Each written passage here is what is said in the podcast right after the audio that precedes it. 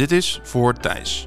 Ik ben Johan en in deze podcastserie neem ik je mee in hoe mijn leven met kanker en papa worden samenkomt.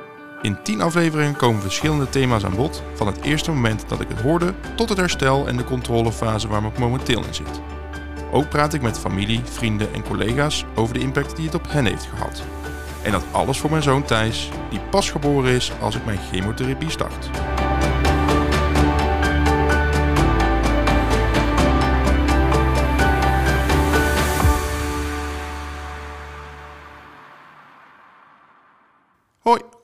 Mooi dat je luistert naar de podcast voor Thijs.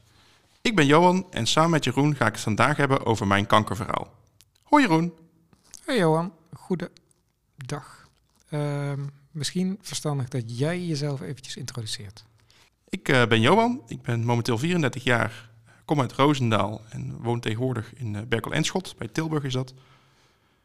En ben sinds uh, juni 2022 vader van, van Thijs, mijn eerste zoon. Dus die is het moment dat wij het opnemen, is die tien maanden en een beetje. Ik werk um, al meer dan tien jaar in verschillende marketingrollen. Tegenwoordig doe ik dat als, uh, als marketingstratege en adviseur uh, bij een merkbureau. En daarbij verricht ik me vooral op het online marketingstuk, datagedreven marketing en alles wat daar uh, wat bij komt kijken, wat mooie uitdagingen biedt. Mm -hmm. En een beetje persoonlijk over mij, ik, ik ben best een nerd. Um, ik houd van, van films en series, dat maakt je niet meteen nerd, maar wel als je van Marvel Comics houdt, computergames en Lego. En de, en de, combinatie daarvan? ja, precies. Dat, dat valt dan bij mij wel onder nerd. Um, en ja, ik, ik zeg altijd Lego bouwen. Waarom, waarom is dat dan iets wat ik leuk vind? Ja, ik vind het heerlijk om te creëren. Um, maar ook gewoon de handleiding volgen. Sommige mensen maken een puzzel. Ik bouw, uh, of ik zet Lego in elkaar. Altijd leuk. Ja. Dankjewel. Waarom zijn we, nou in ieder geval vandaag, maar waarom deze serie? Even in het kort eventjes, uh, om de luisteraars daar ook in mee te nemen nou ja, je had het al misschien een beetje kunnen raden. Ik heb, uh, ik heb kanker. Daar uh, worstel ik nu al zo'n vijf jaar mee. En um, aangezien vorig jaar is het een beetje het toppunt heeft bereikt, echt overgegaan is tot de behandeling, had ik zoiets, ik wil mijn verhaal vertellen voor iedereen die wil luisteren. Mhm. Maar vooral voor mijn zoontje Thijs. Ja. Hij snapt er nu nog niks van, gelukkig. Maar als hij straks groter is, dan... Uh, ja, wil ik dat hij ook wel meekrijgt wat er gebeurd is tijdens dat hij uh, net geboren is. Ja, hoe oud is hij nu? Hij is nu 9,5 maand, op de dag dat wij dit opnemen. En ja, goed, iedereen weet natuurlijk als je uh, lange tijd uh, appen er geheugens en ervaringen appen weg, gelukkig. In mijn geval denk ik. Maar soms wil je dingen ook niet vergeten en dan is het mooi om het vast te leggen. Dus dat is eigenlijk het, het, het hoofddoel waarom ik deze opneem. En daarnaast voor al mijn vrienden, familie, collega's, iedereen die mij heeft bijgestaan tijdens die die periode om, uh, om eens een kijkje ja, in mijn hoofd te nemen in wat er allemaal gebeurd is. Ik krijg wel wat mee, maar niet alles. Er is zoveel. En ja, dat resulteert dan in een podcast. Trouwens is het ook wel goed om te zeggen nog van, ik doe het niet natuurlijk al voor mijn collega's en, en, vrienden, maar ook eventueel voor lotgenoten. Ik heb gemerkt dat, uh, dat verhalen van lotgenoten en ook podcasts van lotgenoten mij heel, heel, heel erg geholpen hebben in het herstel. Mm -hmm. Dus ergens hoop ik hen ook te inspireren uh, met mijn verhaal. Waarom een podcast? Ik ben uh, zelf geen schrijver. Je hoort heel vaak van, ja, schrijf het dan op of ga dan bloggen of maak een boek of iets dergelijks. Maar nee, dat, dat past niet echt bij mij. En ik kan best wel goed vertellen. En een podcast vind ik daar mooier bij passen. En het is ook een intieme vorm om, uh, om het verhaal te vertellen. Uh, en dat is, om te, om, ja, dit onderwerp wel, uh, past het wel mooi bij. Okay. Even los van we, we, gaan gewoon een aantal uh, episodes opnemen. Heb je een idee wat, wat je kunt verwachten in de komende uitzending? Ik, ik, heb, de, ik heb het in mijn hoofd om, om ongeveer tien, tien afleveringen te maken. Daarin staat in elke aflevering wel een, een thema centraal. Een bepaalde uh, blik of een bepaalde groep mensen die ik in die aflevering um, spreek of, of centraal heb staan. En daarbij de eerste paar zijn eigenlijk het, een beetje het, het, het operationele bijna. Van hé, wat is er nou eigenlijk gebeurd? Wat is ja. op papier het verhaal, om het zo maar te zeggen? Setting the scene. Um, en dus je zou het eigenlijk een beetje wel kunnen zien, het, het, praktische. En daarnaast is er natuurlijk heel veel emotie en heel veel uh, mentaal wat erbij komt kijken. En dat is eigenlijk in de rest van de podcast. En dan moet je denken aan... Uh, vrienden, familie die ik spreek, hoe hun het ervaren hebben. Mhm. Maar ook met mijn werk, collega's, hoe die het ervaren hebben. Wat ik wel fijn vond, wat ik niet fijn vond. Hoe, heb ik, hoe, hoe, hoe loopt mijn herstel? Dat soort zaken. Alright. Even hoog over, waar wil je deze aflevering aan wijden? Deze aflevering is vooral uit het, in het verleden. Eigenlijk mijn eerste moment dat ik te horen heb gekregen dat ik kanker heb. Mhm. En dat is zo'n, uh, het was in 2018, dus dat is nu, nu is 2023, dus zo'n vier, vijf jaar geleden. Ja. Um, daar wil ik eigenlijk deze aflevering aan wijden, van waar het nou eigenlijk begonnen is. Ja. Um, omdat ook heel veel mensen dat niet weten.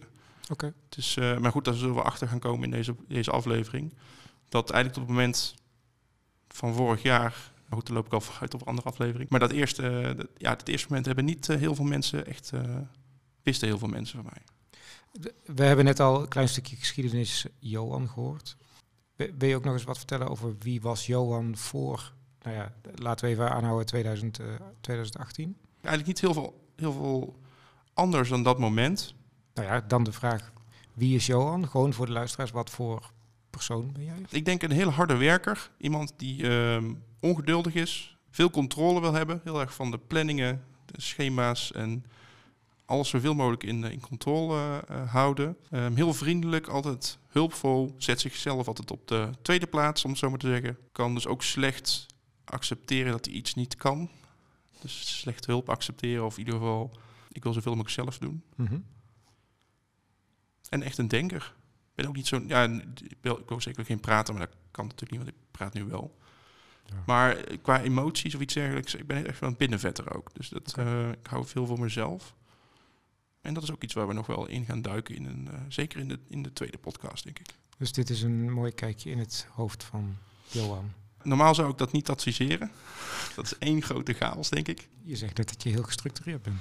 Nee, ik denk dat het best wel, best wel meevalt. Maar, um, maar ik ben iemand waar het hoofd nooit van uitgaat. Dus dat um, was altijd maar aan het doorratelen. Oké. Okay. Laten, we, laten we gaan kijken hoe een, een uh, groot deel van die chaos en die structuur in jouw hoofd... Uh, in een podcast kunnen vastleggen. Laten we teruggaan naar 10 mei 2018. Neem, ja. ons, neem ons eens mee. En, ja. en onze uh, luisteraars. Uh, en dus ook voor iedereen die het nog niet weet, wist. In uh, 10 mei 2018 begon het eigenlijk. Toen woonden wij nou nog in Tilburg. Wij hadden net een, een, een oud jaren 30 huis gekocht, helemaal verbouwd. Dat was toen net een halfjaartje klaar, denk ik. En dan is er vaak één ding wat nog ontbreekt, dat is de tuin. En die hadden we helemaal leeg gehaald. Er stond heel mooi bamboe in. Dus dat, dan kijk je heel erg tegenop om dat uh, aan te pakken. Maar goed, dat was zover. Het was ook volgens mij Pinksterweekend of in ieder geval mei. Ja, je weet het al, zo'n gatenkaas maand waar je heel veel vrije dagen hebt. En we zouden met de familie de tuin gaan aanpakken. Nou, dat was, die, was donderdag, 10 mei. Nou, dat hebben we ook gedaan. Dus de hele dag in de tuin gaan spitten en leegmaken. Je weet, ja, goed, je weet wel als je een flinke tuin aanpakt. En s'avonds heb ik op een gegeven moment ergens last van. En dat was bij um, ja, mijn ballen, om het zo maar heel, even heel plastisch te zeggen. Ja. En dat was niet heel erg veel pijn. Dat is wel zoals je een hoofdpijn hebt. Zo van, ja, goh, het is vervelend. Een paar zit een moltje erin, gaat slapen en dan zal het wel over zijn. En ik had een dag in de tuin hard gewerkt. Dus ik zei van, ja, goh, dat zal er wel bij horen. Totdat uh, uh, s'nachts het eigenlijk nog steeds wel was. Op een gegeven moment wakker geworden, washandje erop. Ja, misschien geïrriteerd of weet ik veel wat. En de volgende ochtend word ik wakker. Nog steeds dezelfde pijn. Nou, het best wel wat irritanter begon te worden. wou eigenlijk die dag weer verder gaan. Ja goed, de tuin was er niet af. Waardoor Sanne, mijn vriendin, toch zegt van... nou, ga maar eens even naar de huisarts. Even voor de zekerheid kijken of het niet een, een infectie is of een, ja, weet ik veel... Mm-hmm ander probleem. Dus naar de huisarts toe. Nou, die, uh, die voelen, die pijnklachten horen. Ja, die heeft zoiets. Ik weet niet zo goed wat het is. Hij zegt, het kan eventueel zijn dat het een draaiing is van de bal. Dat komt wel eens voor, vooral als je uh, flink uh, inspant, zeg maar. Dan wordt eigenlijk de, de, je, je ader wordt dichtgeknepen. Mhm. Hè? En dat is eigenlijk iets heel acuuts, want dan moeten we zo snel mogelijk weer fixen. Want anders sterft het af en dan heb je een veel groter probleem. Mhm. Maar de pijnklachten die daarbij horen, die zijn eigenlijk heel fors, waardoor je als je erbij aanraakt, je al tegen het plafond aan zit. Ja, dat had ik niet. Het deed wat vervelend, maar verder niet zoveel. Dus hij uh, wist het niet zo goed. Hij zei, ja, ga toch maar even voor een uh, spoedecho naar het ziekenhuis om te kijken of het niks anders is. Ik, uh, dus ik, dat was ochtends vroeg, dus ik Sanne gebeld, mijn vriendin. Um, ja, ik, want iedereen stond zou om tien uur of elf uur op de stoep staan voor, voor de, de, tuin. Je was even alleen op en neer geweest? Ja, even op en neer. En ik moest nog broodjes halen voor gewoon lunch, iedereen. Ja. Dus ik zeg maar tegen Sanne, ja, ik moet voor een spuuterecht naar het ziekenhuis, maar ik zal eerst even boodschappen doen. En dan kom ik naar huis en dan gaan we naar het ziekenhuis toe. Waar die zoiets had van, ja dag, een spoedecho is niet zomaar. dus um, ja, het was een beetje paniek. Wij met z'n tweeën naar het ziekenhuis, spoedeisende hulp. Dus dat trok mij nog steeds niet binnen van dat het wel serieus kon zijn. Mm -hmm. Nou, dan kom je daar binnen en dan officieel, en dat weet ik ook heel goed, dat vond ik echt belachelijk. Zodra je het spoedhuis in hulp bent of hier opgenomen wordt, dan mag je niet zelf meer lopen. Dan moet je in een rolstoel. En ik weet nog zo heel goed, dan was een, een ik weet niet precies wat, wat, wat ze deed, maar het was een heel, heel jong meisje, zeg maar, assistent of weet ik veel wat. Die moest mij gaan duwen in een, eh, in een rolstoel. En ik ben best wel groot. dus het was, was een beetje grappig ergens. Uh, een beetje raar. En dan, uh, ja, dan lig je op de spoedeisende hulp. Ja, je ligt met je, je broek uit en dan komt de ene dokter, die wil even kijken en voelen. En dan komt de volgende dokter, die wil weer even kijken en voelen. Dan komt de volgende, die wil weer even kijken. Op een gegeven moment hadden we vijf, zes doktoren met allemaal assistenten en mensen in opleiding uh, alles gezien. En was het een beetje zelfs grappig, zo van, oh, je wilt weer kijken. Nou, laat maar zien hoor, alles, uh, alles lag open en bloot, zeg maar. Totdat uh, op een gegeven moment iemand zei, of ik zit trouwens even te denken, nee, moest ook eerst, nee, die spoedecho moet natuurlijk eerst nog gemaakt worden. Mm -hmm. Nou, dan krijg je gewoon een echoapparaat erop. En daar zagen ze ook niet echt heel veel. Ze zagen wel, uh, en ik heb zelf, ja, kan je altijd net niet meekijken, omdat die zeg maar het scherm ja. niet op jou gericht staat, maar naast je hoofd. Dus dan moet je je hoofd een soort 180 graden draaien om, om, mee te kijken. Maar ja. kon een beetje kijken. Maar dan zag je dus in aan de ene kant, um, ja, het is niet kleurrijk, was gewoon wit, gewoon normaal. En aan de andere kant was pikzwart, of in ieder geval zo'n kleur zo afwijkend. Dan zeg je van, ja, er is wel iets. Mm -hmm. Maar wat, geen idee. Nou, dan blijf je ze terugkomen op van, is het dan die draaiing? Maar ja, als je dan aanraakt, dan zit je echt van de pijn tegen het plafond. En dat ja. was allemaal niet. Ik had helemaal niet zo, zo heel veel last. Op een kwam er een dokter en die deed een testje met mijn benen. En dat heet een, uh, een cremaster reflex. En wat hij dan doet, is gaat, hij gaat van jouw uh, binnenkant van je knie, zeg maar met zijn vinger, gaat hij naar boven toe, totdat je lies. En dat uh, veroorzaakt in de ballen een soort reflex, waardoor die naar binnen trekken. In ieder geval, je voelt een heel raar, um, ja, dat voel je gewoon. En aan de rechterkant voel je na een tinteling en dan voel je die beweging van de spier. En aan de linkerkant helemaal niks. Hm. En hij vond dat zo raar. En dat, dat, maar je moet het maar eens proberen vanavond thuis. en, en dan, ja, toen was het als hij volgens mij de eerste dokter die zei: Ja, we moeten, uh, we weten niet zo goed wat het is. We moeten toch een, een kijkoperatie gaan doen. Om te zien uh, um, ja, wat er nou mis is. Of het nou een draaiing is of niet. En dat kon ze maar één manier doen, dat is opereren. Ja, goed, dat kan dus een draaiing zijn, maar het kon ook wel eens een tumor zijn. Hm. Ja, en dan op een gegeven moment uh, ja, zak je door de grond heen. Ja, dan, dan krijg je ineens de eerste keer te horen dat het wel eens kanker zou kunnen zijn. En eigenlijk op dezelfde ochtend lag ik nog op de operatietafel. Jullie waren samen daar? Ja, ja. En um, ja, voor mij gaat het allemaal heel snel, want dan moet je klaargemaakt. Dus dan moet je uh, um, kijken of je, niet, of je nuchter bent en zo. Dus dan word ik elkaar op. Sanne, die, uh, ja, die zag er nog verder door de grond heen. Die zag mij al uh, nog verder onder de grond verschijnen, zeg maar. Ja. En ik zelf, ja, er zit dan zo'n roes. Dat, dat, ik weet daar ook niet heel veel precies meer van. Het ging allemaal zo snel. En beseft ook niet zo goed wat dat dan zou betekenen. Dus ja, dan ga je die operatiekamer in. En er wordt eigenlijk ook gezegd van ja, 75% kans dat, die, uh, dat je bal weggehaald wordt. Het kon van alles zijn, een paar scenario's. Maar in ieder geval grote kans dat het niet meer is als je wakker wordt. Um... Dat is heftig. Ja. ja, dat is ook heftig. Maar dan ook nog steeds in die roes. Ja. Dus dat, um, ja, je ondergaat het maar, je probeert grapjes te maken ondertussen. En dan, dan dat je grapje als in, als in van, ja, straks ben ik 50% minder man en zo. En weet je, dat soort uh, flauwe grappen. Maar goed, ergens zit het wel in je achterhoofd, want uh, het was voor mij niet, on, niet onbekend. Mm -hmm. uh, want in mijn familie is er een keer meer voorgekomen. Mijn neef heeft een paar jaar daarvoor exact hetzelfde gehad. Joel heeft ook uh, zaadbalkanker.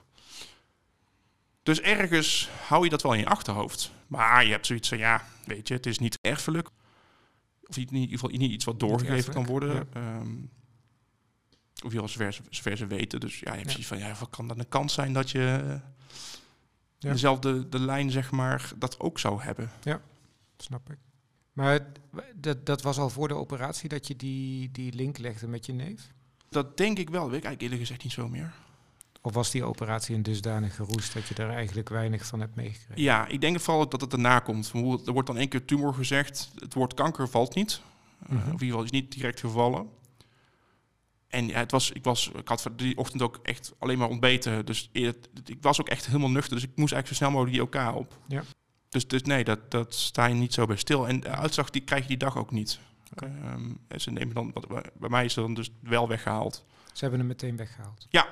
Maar goed, die kans was dus zo groot. Hoe word je wakker? Ik had gewoon volledig narcose, dus ik was er Ja. niet bij. Ik had ook zoiets van, ik hoef niet te zien dat ze daar gaan lopen snijden of zo. Of haha, we hebben hem. Of ik weet niet, dat, weet je, de humor in mij zat nog steeds er. Dus dat had ik dan zo in mijn hoofd. En van het laatste moment de vraag is ook van, welke is het dan? Welke gaan we zaak opereren? Weet je het zelf allemaal goed? Allemaal dubbel check. Dan krijg je mooie kruisjes op je benen en zo, om Ja. te zorgen dat het de goede is.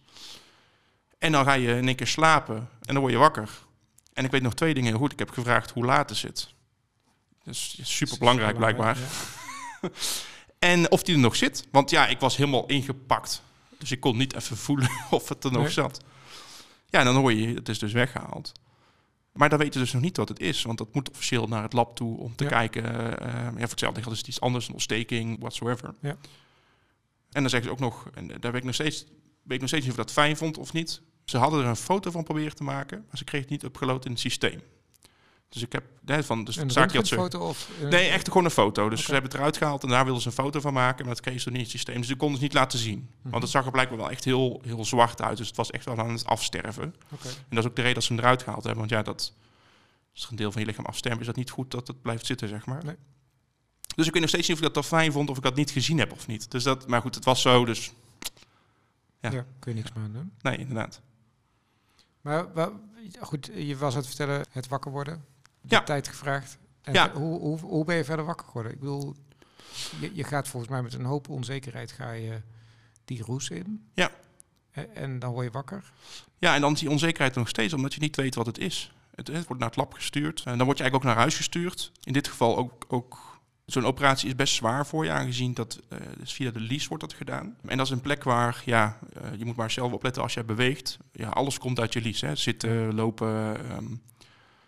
Dus op een gegeven moment ben je echt, heb je daar, ja, de, de- ehm, ik kan het best om, om- omschrijven als, er zit constant iemand met een, eh, een mes in je te prikken in je zij. Als je loopt, als je zit. En dus, dus ik was niet echt zozeer met de uitslag bezig. Meer zo van, ja, hoe, hoe kom ik nu naar huis? Ik denk dat ze zelfs misschien nog gedacht hebben hoe we dat met de tuin te doen. En ja, iedereen staat daar hard te spitten in de tuin. En ik moet eigenlijk op de bank gaan liggen en toekijken. En ja, de uitslag moet je afwachten. Dus dat is best wel spannend. Ja. Omdat je dus niet weet wat het, wat het is. Hebben jullie in dit kader van nou ja, de, de- het, het ding produceert iets? Hebben jullie kinderwens gehad? Daarvoor ook al? Ja, dat is eh, een goede dat je dat aanhaalt. We hadden dat bijvoorbeeld- in het kader van onzekerheid kan ik me ook voorstellen dat dat... Ja, dat is wel ehm, ook voor de operatie wel gevraagd. We hadden op dat moment nog niet echt een, een kinderwens. Dat wordt natuurlijk wel gevraagd, want maar ja, goed. niet een 100% nee, hoor ik. Nee, nee, dat is ook nooit geweest. Wij wij neigen altijd meer, meer naar nee, maar ja, ik zeg altijd ook nooit nooit, want ja, goed, je kan eh, dat toch ineens veranderen. Op een gegeven moment moet je wel een keuze maken ergens, maar Ja. op dat moment hadden we in ieder geval eh, dat nog niet. Maar dat wordt dus wel gevraagd. Maar goed, eh, bij zo'n operatie, dat weet ik wel goed, dat hebben we ook wel, hebben we inderdaad wel gevraagd van, hè, wat zou dan de kans zijn dat het, eh, ehm, ja, hoe ver- verkleint dat de kans om op kinderen te krijgen? Want je zou zeggen, ja, dan gaat er één weggehaald, niks twee. wordt 50-50. Maar dat is dus niet zo. Blijkbaar wordt die kans dan ergens 80%. Dus het is, van die kan je heel goed er eentje missen om... eh, Om Ja. toch nog papa te kunnen worden. exact. Maar goed, terug op de bank, thuis. De familie maakt de tuin verder klaar. Ja. En jij ligt je onzeker te, te, te maken. Ja, en, en zo heel familie. Dat snap ik. We hadden natuurlijk telefonisch contact dat er allemaal moest gebeuren. En dan hoorde je gewoon al aan de, aan de stemmen. En goed, helemaal familie is, ehm, spreekt hun emoties niet echt uit. Maar die hoort wel aan de stem dat er iedereen eh, van slag is. Dus helemaal thuis, ja, dan lig je dan eh, op de bank. Iedereen is aan het werken. En jij, eh, ehm, of ik loop me dan druk te maken. Ja, wat, wat is het dan? Aan de andere kant kan ik me ook heel goed overheen zetten. Zoiets van, ja, ik kan me er heel druk om maken. Maar dat gaat niet helpen dat ik de uitslag morgen krijg. Dat zou 23 mei zijn. Dus dat is ja, zo'n twee weken ongeveer. Dagen later. Ja. Dus dat is best, best fors. Hoe, hoe heb je die tijd overbrugd? Ik heb eh, eh, al mijn oude foto's van me vroeger, van negatieve eh, oude foto's, videobanden, heb ik allemaal lopen inscannen. ja, dat weet ik ook. zi- Zitten inscannen neem ik aan. Ja, zitten lopen inscannen. Ja, ja, ja, nee, dat is ook eens wat ik kon. Ik kon zitten. Of dus ik, ik kon gaan zitten, dat deed pijn. Maar als ik dan helemaal zat, dan was het heel goed te doen. Of ik kon liggen. En na drie dagen liggen, dan word je zo spuugzat. Mhm. Eh, en ook al Netflix en alles wat je hebt, dat, dat is dan leuk, maar niet, dan niet meer, zeg maar. Nee. En ik had zoiets van, ja, iedereen zit daar buiten te werken en ik wil me ook soort van nuttig voelen. Dus dan heb ik dat gedaan. Gewoon heel random, gewoon zo, met zo'n scannertje, Gewoon bezig. dat digitaal, ja, daar bezig zijn. En dan is het wachten tot je op een gegeven moment de, ja, de afspraak hebt met de uroloog Ja. eh, in het ziekenhuis. Mhm. Ja, dat was dus een aantal weken later. En dat is wel weer fijn aan de doktoren. Dat kunnen ze dan wel heel goed. eh, Voordat je binnen zit, dan zeggen ze al wat er aan de hand is, zeg maar. Mhm. Dus dan zeggen ze, ja, je hebt niet zo goed nieuws. Ja. Je hebt dus teelbalkanker. Hebt of had? Hoe? Ik heb het volgens... Ja, ehm, het is weggesneden, om het zo maar te zeggen. Dus Ja. ja, heb je het dan of... Ja, die cellen zitten nog steeds in je lichaam. Ja. Dus ik zou zeggen, je hebt het dan. Ja. En dus het niet had, want Oké. ik denk dat je het altijd meedraagt. Hoe, hoe ga je dan, ook, ook in, die, in die elf dagen dat je zit te wachten op de uitslag, hoe ga je dan om met, ja, de, de, toek- de toekomst is een heel groot woord, het is ook heel ver weg, maar met de nabije toekomst, ik bedoel, eh, eh, ga je weer aan het werk of ga je eh, je vakanties blijven plannen of hoe, hoe, hoe ga je in, zeker in die onzekere eh, elf dagen zeg maar, hoe, hoe, hoe kijk je dan naar de toekomst? Ja, op dat moment ehm, keek ik gewoon nog wel goed naar de toekomst. Ik had nog niet zozeer het idee dat het erg was of zo. Ik zit ook even te denken of het nou, of ik toen al wist, of het, eh, toen het weggehaald is, zeg maar, eh, is het mooi ingekapseld weggehaald. Dus dat betekent dat, er, eh, dat het een mooi so- soort ehm, balletje was, als in met een schil eromheen. Dus het was Ja. niet open of zo. En ik weet even niet of dat voor de uitslag is gegeven of na de uitslag. Maar dat heeft me altijd een... een ze legt dat zo in ieder geval zo uit. Eh, Het is dus de kans op uitzaaiing is bijna niks. Want het zit dus mooi, het is mooi weggehaald, zeg Ja. maar. En op dat moment hadden we ook al een vakantie in de planning staan. We zouden naar Japan en Zuid-Korea gaan. Niet onaardig. Nee, dat eh, kan ik iedereen aanraden. En dat, zou, dat was dus drie weken nadat ik eh, geopereerd was. En voor het herstel van de lies eh, stond zes weken. Dus het was meer paniek van, kunnen we nog wel op vakantie? Dus dan worden alle voorwaarden van alle verzekeringen en reisdingen waar we geboekt hadden, eh, worden opengetrokken. Want het herstel betekent ook dat eh, we zouden eh, met een backpack gaan. En ik mocht niks zwaar stillen of ja, ik moest echt rust hebben op dat gebied. Anders zou je geloof ik, een leasebreuk of in ieder geval dan Ja. zou het erger kunnen worden. Dus dat was ook meer die paniek. Ik denk het, ook, het, ook het realistische weer in mij. Van ja, eerder daar druk maken om de vakantie. Dan of ik er nog wel zou zijn over een maand, bij wijze van spreken. Hm. Lekker Eh, praktisch. ja, op dat moment was het vakantie in de tuin. Eh, Ja, dat, dat soort stomme dingen. Bijvoorbeeld de tegels werden geleverd. En eh, ja, je had een hele plan. En dat wordt dan ineens ja, kapot gemaakt. Maar oké, en dan de 23e uitslag. Dat is nog voordat je op vakantie gaat. Ja, dan krijg je dan eens te horen ehm, dat je teelbalkanker hebt. Ja. Dat het dus wel mooi ingekapseld is. Dus dat, het, dat, dat is goed nieuws. En eh, de vorm die ik dan heb is een eh, zogenaamde seminoom. Maar er zat in ieder geval dus een tumor eh, in mijn bal van 4,8 centimeter. En je moet maar eens nagaan hoe groot een golfbal is. Dat is volgens mij zoiets ongeveer. Dat idee heb ik ook. Maar dat is dus best groot. Ja. Ehm, en dan zou je afvragen, heb je dat al die tijd al niet gevoeld? Nee, eigenlijk niet. Hm. En tot op de dag dat ik er last van kreeg, ja, dan voel je, dan is het wat, wat, wat harder. Maar nou niet dat je meteen zegt van, hmm, dat, wat, wat is dit? Dus dat was best groot, is dus weggehaald. Ja, en dan, dan is het op dat moment al even klaar. En dan gaan ze eigenlijk wel uitzoeken van, ja, heb je uitzaaiing of niet? Dus dan moet je een eh, CT-scan ondergaan van je lichaam, van je thorax. Om te kijken of het, eh, of het uitgezaaid is of niet. Nou, dat was in mijn geval gelukkig niet. De scan was eigenlijk niks te zien. En dan gaan ze overleggen, eh, in dit geval, mijn, mijn geval, ik was in Tilburg geopereerd. Uh, dan overleggen ze met het Jeroen Bos ziekenhuis in Den Bosch. Aangezien daar eh, die, hun die samenwerken. En op dit vlak was, hebben hun daar de expertise, om het zo maar te zeggen. Ja. Of er preventief chemo nodig is. Ja. Dus om te zorgen dat er ja, nergens anders cellen nog zijn, zeg maar. Ja. Dat was dus gelukkig niet nodig. Eh, het zag er eigenlijk allemaal zo goed uit dat het, als je dat zou doen, meer kapot zou maken dan eh, goed zou doen. Ja. Want dan komt inderdaad dus de vraag wel je kinderwens enzovoorts. Want chemo is een heel stuk zwaarder natuurlijk dan de operatie. Ja, snap ik. We gaan je gewoon vijf jaar onder controle houden. Eh, zo, zogenaamde ehm, wait and see. Ja. Zo noemen ze dat in, de- in de vaktermen. Mhm. En dat was eigenlijk het behandelplan. En dan zouden ze in eerste instantie om het half jaar uh, CT-scans doen en röntgenfoto's van je longen. En dat ja, komende vijf jaar om te zien, uh, bloedonderzoek, ja, van alles en nog wat. Om in ieder geval te zien dat het, uh, dat het zo blijft. Maar hoe, hoe gaat het normale leven in die, in die periode van nou ja, het, het Pinksterweekend, laten we het even zo noemen. Uh, dus rond 10, 11 mei tot aan de 28e terug naar de dokter. Dat is toch bijna twee, uh, tweeënhalve week. En je, je gaf aan het begin al aan, ik heb het aan weinig mensen verteld. Nou ja, je familie wel, want die waren in de tuin bezig, dat moest zo ongeveer wel. Maar hoe, hoe heb je dat Nee, ik wil niet zeggen verborgen gehouden, want dat klinkt een beetje uh, alsof je er iets geheims van had gemaakt. Maar kun je me daar eens in meenemen, of de luisteraars in meenemen, van hoe, hoe je die, die af, afscheiding naar de buitenwereld uh, hebt gedaan? Dat begint misschien nog met een stukje waar ik op terugkom, de, de, variant die ik had, mm -hmm. de, de seminoom. Je hebt twee varianten van zaadbalkanker, dat is de seminoom en de non-seminoom. De seminoom is eigenlijk een niet-agressieve vorm. Mm -hmm. Dus dat... Uh, uh, daar kan je best wel wat tijd in nemen en dat gaat allemaal gemoedelijk. En daar is niet meteen uh, actie. Dus eigenlijk, zoals ik al zelf zeg, de gunstige vorm, hoe ver kanker gunstig is. En met de uitslagen dat het dus mooi weggehaald was, geen uitzaaiingen, geen preventieve chemo nodig, had ik zoiets van ja, goh, waarom zou ik het dan vertellen aan collega's? Op dat was ik ook op, op, op het punt van een nieuwe baan te beginnen. Oh, dus je zat thuis?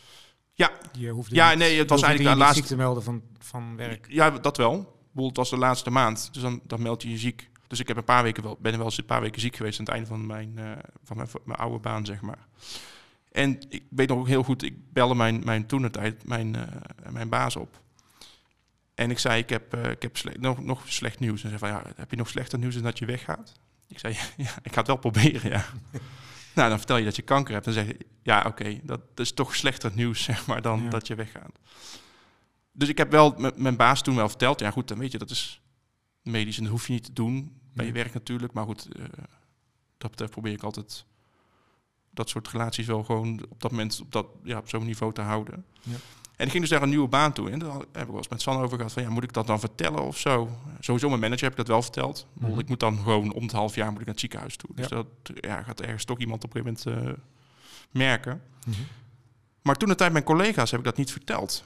Um, bewust? Ja, dat was heel bewust. Omdat ik zoiets had van, er is niks aan mij te zien. Ik heb geen chemo gehad. Ik voel me prima. Er is nu niks aan de hand. Dus ik had zoiets van, ja, waarom zou je dat dan vertellen? Dan, dan heb ik, had ik toch zoiets van, ja, dan krijg je misschien een stempel dat je zielig bent. Of mensen gaan verbinden de kanker toch heel vaak met de dood. Dus dan wordt het misschien wel raar aangekeken. Of ik had zoiets van, ja, ik kan niet echt een, een voordeel zien, of zoals je het zo moet noemen. Waarom je dat zou vertellen. Je wilde ook geen speciale behandeling? Nee, nee want er was niks mis met mij. En um, nou. Ja, op dat moment niet meer. nou, dan kom je ook op het stukje van, zo voelde ik mij ook. Ik voelde mij ook geen, geen kankerpatiënt. Het, het voelde een beetje als, alsof je ergens een, iets hebt in je lichaam, dat wordt dan geopereerd en dan is het klaar. Dus, dus ik heb geen chemo gehad, ik heb geen bestraling gehad. Mm -hmm. Ik heb mij geen, geen kankerpatiënt gevoeld. En, en dat was totdat Straks in aflevering 2, dus dat is een hele mooie cliffhanger.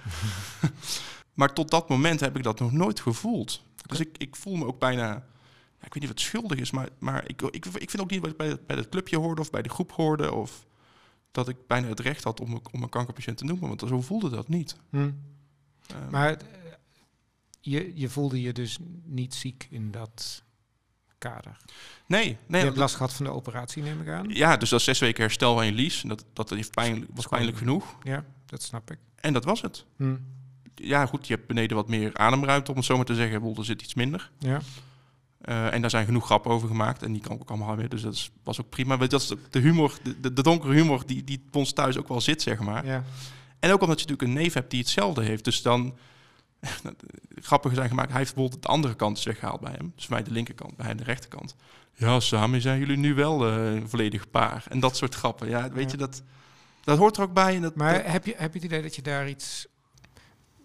Ik wil niet zeggen profijt van hebt gehad. Van het feit dat je dus iemand echt in je omgeving had... die bijna identiek hetzelfde heeft meegemaakt. Is dat, is dat een, voor jou een voordeel geweest in het kunnen verwerken... in het kunnen plaatsen, in het, Ja, ergens dus wel en ergens ook niet. Omdat hij heeft dus wel, had toen wel uh, chemo nodig gehad Mhm. enzovoorts. Had ook overigens een andere vorm. Oké. Want mij was het dan, bij mij zijn het ook weer meer die realistische vragen die naar boven komen van oké, is het dan dus dezelfde vorm? Is het dan dus, nou, dus wel eh, erfelijk? Of als in van, eh, moeten we de rest eh, van de familie of zo waarschuwen? Wij komen uit een familie met, met heel veel, eigenlijk alleen maar mannen. Ja.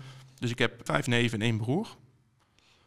Ja, dan had ik had wel zoiets van, moeten die zich ook niet even laten checken? Dat, Het is Mhm. meer dat ik daarmee bezig was in dat, op dat moment. Ja. En tuurlijk, je hebt het er wel over, maar toen de tijd, mijn situatie was niet te vergelijken met hem. Nee.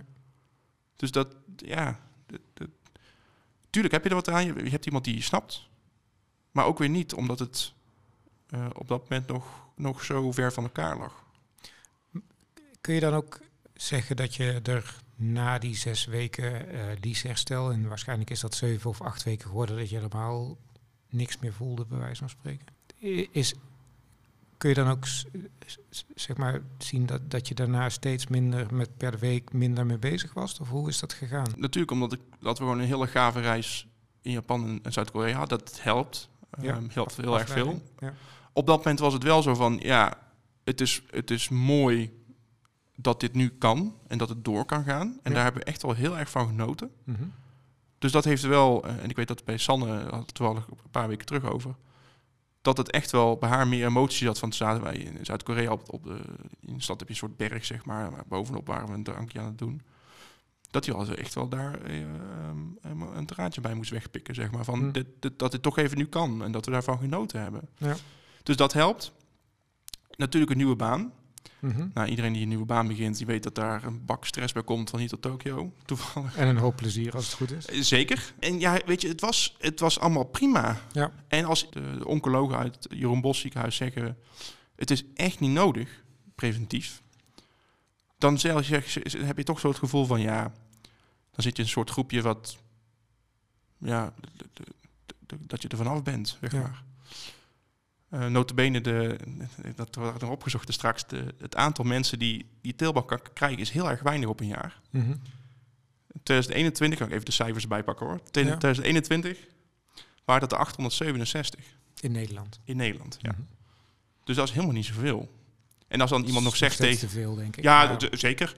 Maar als je, als je vergelijkt met alle andere vormen, zeg ja, maar, oké, die- ja. is, dat, is dat peanuts, om het zo maar te zeggen. Ja. En als je dan ook nog eens hoort van, ja, preventief is niet nodig. Het ziet er zo goed uit. Ja, dan, dan heb je zoiets van, ja, prima. Ja. En dan goed, die controles die zijn altijd spannend. En zeker de CT-scans, omdat je toch het gevoel hebt... eh, dus ik heb dan het gevoel, de hele binnenkant zie je dan, zeg maar. Ja. Zie je ook bloed, eh, bloedonderzoeken, maar dat is wel eigenlijk gericht op de andere vorm, dus de non-seminoom. En dan hebben ze de tumormarkers, dus dan kunnen ze zien in je bloed of, of je ja, kans hebt dat er ergens een tumor groeit. Ja. Die waren maar nooit uitgeslagen, dus ik hechtte daar niet zoveel waarde aan. Maar vooral die CT-scans, ja goed, dat, eh, die staat onder controle, dus wat wil je dan meer? Dus dan weet dat je als er iets aan de hand is, dan zijn ze er snel bij. Ja. En verder is nu staat, ja, beter kan niet, zeg maar. Dus nee, met een nieuwe baan en, en, en een mooie vakantie is dat heel snel... eh, Volle energie eh, eruit. ja. Mooi. Dan stel ik voor dat we het verhaal voor vandaag afsluiten. Dan hebben we de eerste eh, aflevering, hebben we denk ik even teruggekeken naar jouw tijd rondom 2018.